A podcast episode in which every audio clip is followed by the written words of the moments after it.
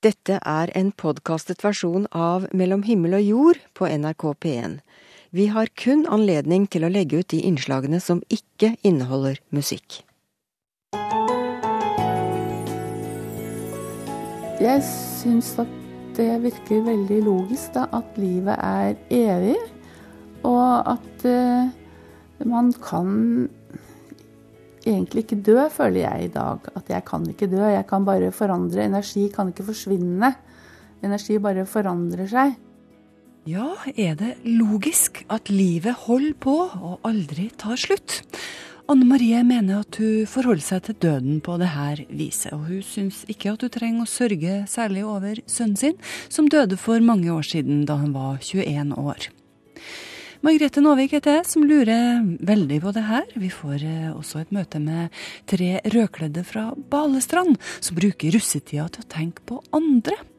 Og vi skal hilse på Kurt Arve, som har Aspergers syndrom, og som navigerer seg gjennom livet med musikk.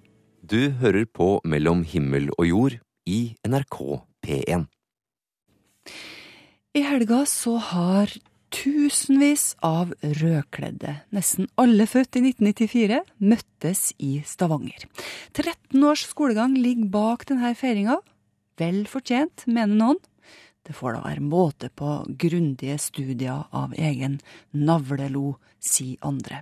Det som er sikkert, det er at det fins russ som ser lenger enn til ølavdelinga på Coop-en, altså. På Sygna videregående skole i Balestrand i Sogn så er det 50 avgangselever. Her har det blitt en tradisjon at russen samler inn penger til et bistandsprosjekt hvert år.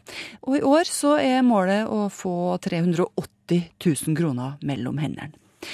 I desember i fjor så reiste eh, russepresident Kari Klepsvik til Indonesia for å se med sine egne øyne hva pengene de samler inn, skal gå til.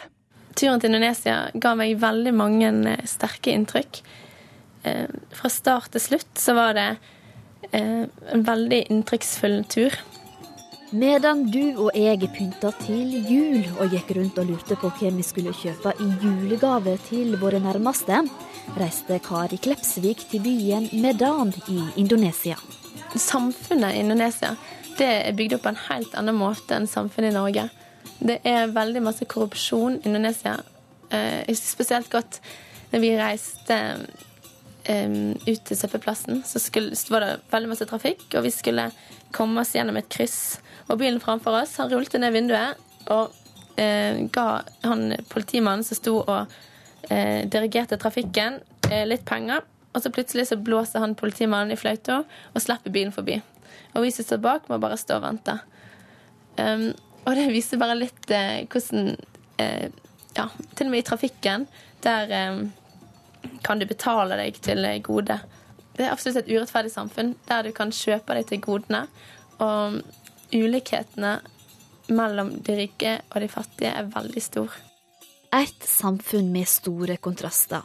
I løpet av kort tid skulle Kari få møte mennesker med helt andre utfordringer i hverdagen enn det vi er vant til her hjemme. De lever av å plukke søppel.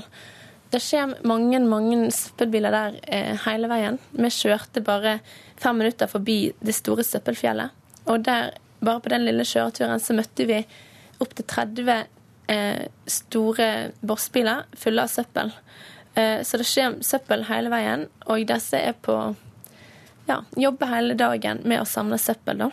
For disse som jobber på søppelplassen, så er det eh, masse konkurranse, eh, og de sliter med det eh, å ha, være venner med naboene sine. De, ja, de konkurrerer om det beste søppelet, rett og slett, og de eh, er ikke så gode venner der.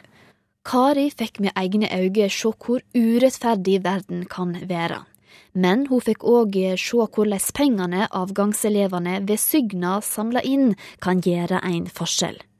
Et av bistandsprosjektene russen støtter, går ut på å få kvinnene vekk fra søppelplassene. Det blir ved jevne mellomrom arrangert kurs for disse kvinnene. Mm, og de har fokusert på disse kvinnene fordi de har stor eh, innvirkning på familielivet. Og eh, kvinner har veldig lite utdanning i området der. Eh, og de har òg veldig liten tro på seg sjøl. for disse er altså mennesker som er nederst i randstigen i Indonesia, og de eh, føler ikke at de har noen verdi sjøl, um, og de blir ikke sett på med noen verdi.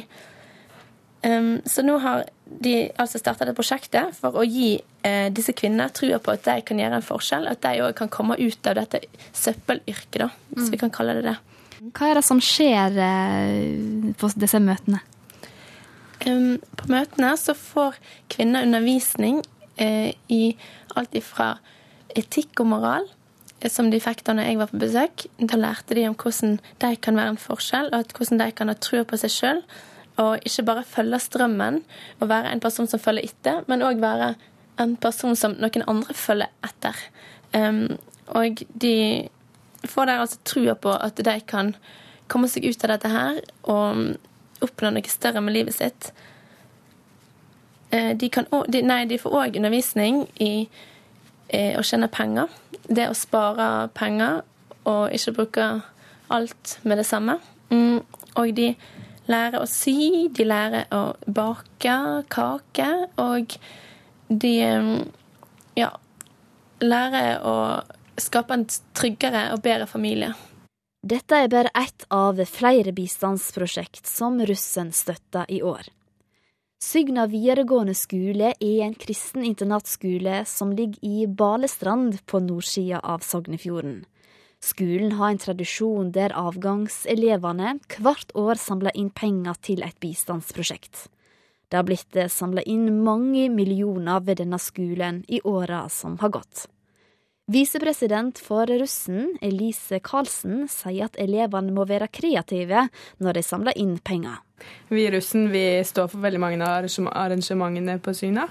Eh, F.eks. i begynnelsen av året så hadde vi nattcup, eh, hvor eh, Eh, alle kan kledde seg ut, kledde seg ut, og eh, var med på spilte fotball på natten. Og bare på det arrangementet så tjente vi 15 000 kroner. Jo, vi har eh, hatt spa-kvelder hvor de kan kjøpe massasje eller manikyr eller eh, håndmassasje, ja, litt forskjellig. Og så har vi russetjenester. Og det, det, er alltid oppe og går. Det er sånn du kan bestille. Eh, F.eks. en bursdagskake eller en måneskinnstur med valgfri russ. Eh, og ja, Så de betaler litt for det, da. Den viktigste eh, inntektskilden vi har, det er misjonsløpet. Og det går ut på at eh, vi skal løpe rundt på idrettsbanen i to skoletimer for å samle inn penger, da. Og da må, må alle sammen på forhånd ha samla inn sponsorer, så mange som mulig. Hvor de enten kan sponse per runde, ett beløp per runde, eller et fast beløp. Så da er det opp til Hvis f.eks. en har eh, fått en sponsor som sponser ti kroner runden, så må han bare løpe så masse han kan eh, på, på, de to skoletimene da, for at eh, beløpet skal bli så høyt som mulig. I år er målet å samle inn 380 000 kroner, og om noen uker får de vite om de har klart det.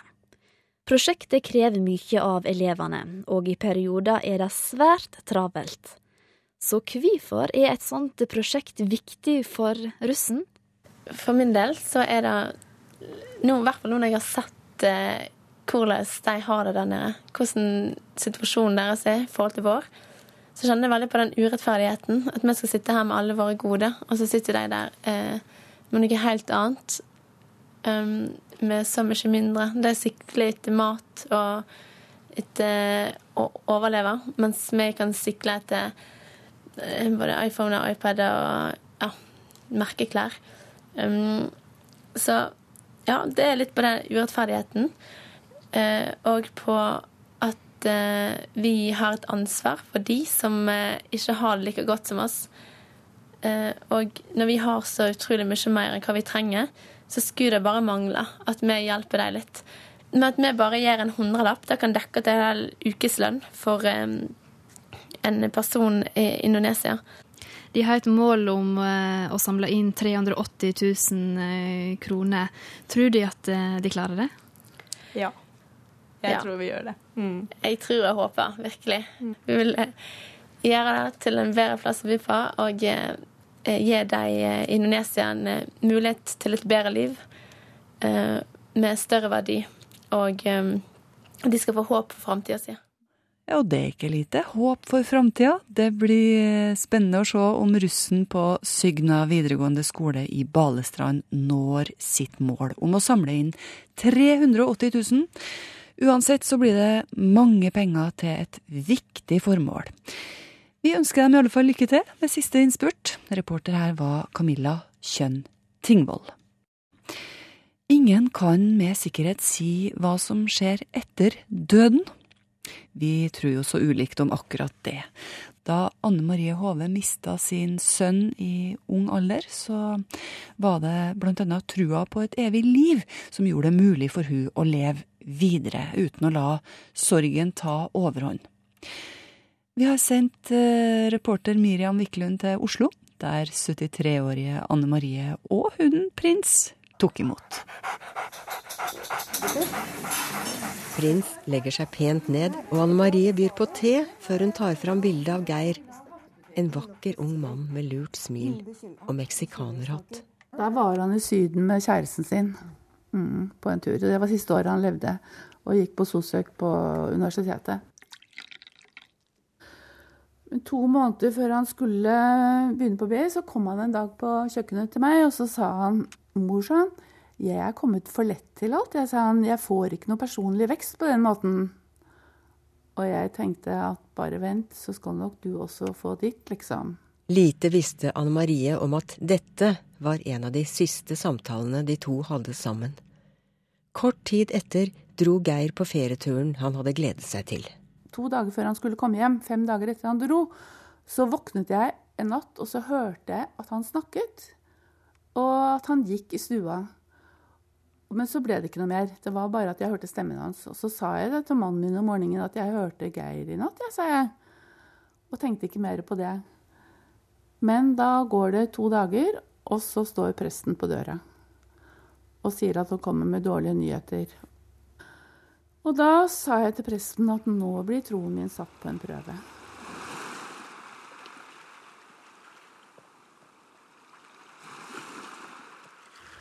Så, og jeg hadde faktisk året før hatt et fælt mareritt om natten. Det var en sving i drømmen, marerittet, og jeg fikk en smerte i magen min og kjente at noen ble knust i magen. Og så går det et år, så skjer det som jeg hadde opplevd i marerittet. Så følte du at det hadde med den drømmen å gjøre? Ja, ja, det var det samme, samme hendelsen. At uh, Da jeg hadde det marerittet, så våkna jeg, da, og så var det så deilig. Å, jeg ligger i senga mi, og dette var bare en drøm, liksom. Men er det sånn at du tenker at dette var forutbestemt, da? Uh, det tenker jeg. Hvorfor skulle jeg ha det marerittet et, et år før det? Hvis ikke det var fordi at på ett plan så tror jeg faktisk at veldig mange ting allerede har skjedd. Men det at du hørte ham gå i stua og snakke, var det da ulykken skjedde, eller? Det var faktisk to dager før. Men da følte jeg at han var hjemme og sa adjø til meg. For jeg er såpass åpen at jeg kunne høre det. Så dagen etter jeg fikk budskapet, så satte jeg meg ned og lot tårene renne fritt. Og sa høyt til meg selv at var dette virkelig nødvendig, Geir? Men så tenkte jeg at nå må jeg spare på kreftene mine. At uh, vi skal ha begravelse. Og det som ble viktig for meg og for mannen min og alle sammen, var at dette måtte bli en vakker begravelse. Så der var eksmannen min veldig flink. Han uh, ordnet det meste, og vi tok kontakt med læreren til Geir fra gymnaset, som han var så glad i. Og han kom i begravelsen og var helt kledd i hvitt, for vi ville ha en lys begravelse. Hvorfor det? Jo, fordi at uh, For meg så er det vakre lyst. Og en begravelse hvor man sier adjø til det vakreste man har, så må man takke og være faktisk positiv. For jeg tror jo at den som er borte, egentlig ikke er borte likevel.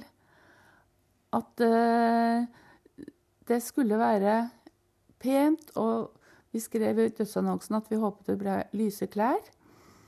Og vi var selv eh, kledd i pene, lyse klær. Og læreren sto som sagt da med helt kledd i hvitt og leste fra profeten om glede og sorg. Og det ble en veldig flott begravelse, syns jeg. Den fineste jeg har vært i.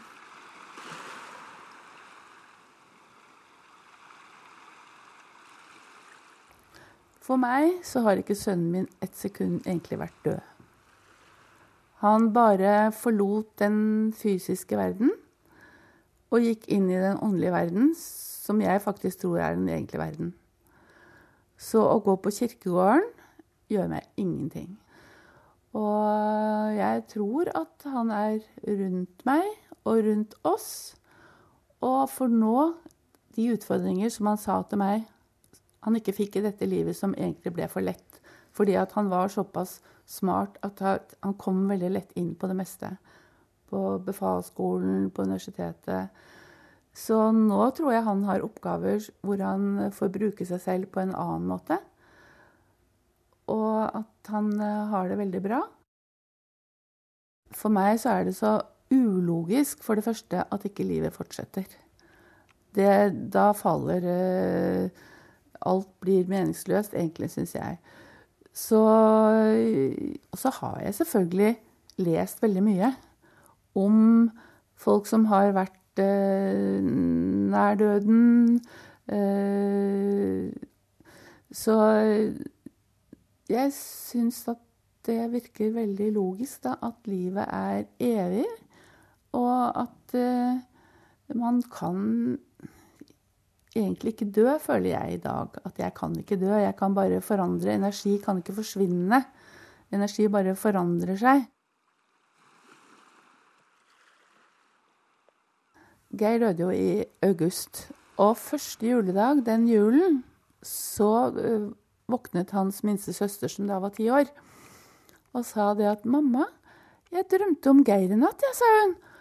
Han fortalte at nå var han våknet fra graven. Han holdt på å våkne forrige helg, men nå var han helt våken. Og det var første juledag. Og så gikk det ikke mange dagene.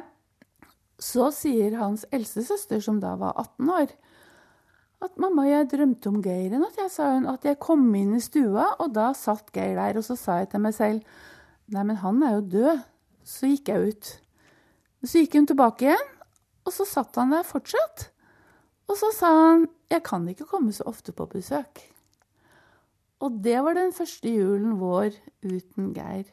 Men han hadde hilst på begge sine søstre og fortalt at han hadde det bra, og jeg eh, trengte egentlig ikke noen sånne beskjeder, for jeg bare visste at han hadde det bra, og at han var hjemme, egentlig.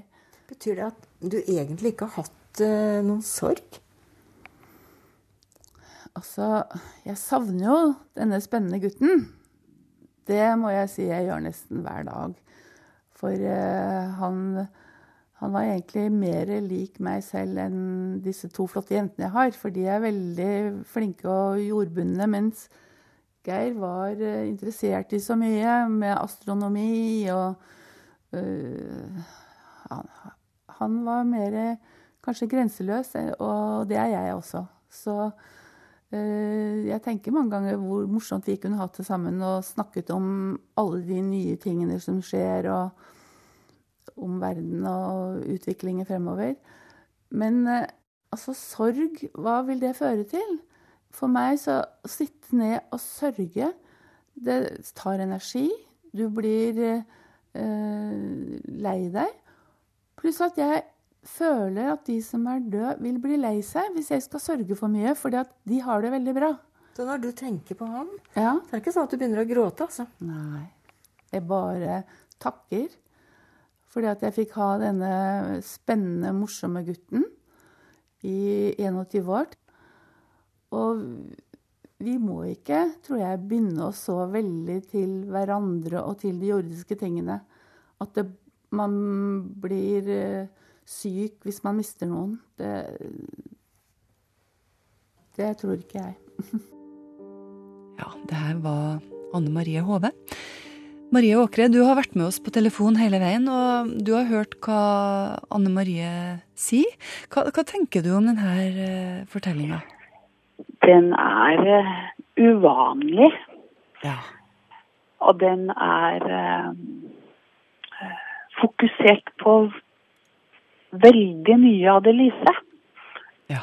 Men sier jo veldig lite om det naturlige og nødvendige i sorgarbeidet og sorgens rom. Og Marie, du har jobba på St. Olavs hospital i Trondheim i, i, mange mange år og hatt kontakt med veldig mange mennesker som er i livets sluttfase, og med familiene deres, kan vi si det? Ja da, jeg står ikke det til daglig nå, men jeg har fått lov å arbeide nær døden og sorgen lenge. Mm. Anne Marie hun tror altså på evig liv, og, og, forteller at hun trenger ikke å være i sorg selv om hennes sønn da gikk ut av det her livet, eh, bare 21 år gammel, fordi hun vet at han lever videre et annet sted, og han har det godt. Kjenner du igjen de her tankene fra, fra ditt arbeid? Ja, jeg kjenner igjen veldig dette at mange tror at livet er mer etter døden, og troen på en himmel eller evig liv er nok ikke så uvanlig, selv om vi sjelden snakker tydelig om det. Mm. Eh, og i en kristen tradisjon så ligger det jo et veldig sterkt håp i dette med å møtes igjen, som for mange kan være en uh, god trøst i den vonde sorgen. Ehm, men eh, jeg har sjelden møtt eh, eh, beskrivelser sånn som jeg hører i denne fortellingen allikevel. Mm -hmm. jeg, jeg, reflekterer mye nå om dette med hva er sorg? Hva vil det føre til, sier hun, hvis hun skulle gi plass for det? Hun kaller også sorg sykdom, og jeg, jeg tenker at sorg er en naturlig del av det å være helt menneske. Eh, å våge livets skyggesider og vi sier nok at det er helsefarlig å ikke eh, ta sorgen på alvor, og kan stadig mer om hvor viktig det er å, å sikre avskjedsprosesser. Og kaller jo sorg for atskillelsens smerte.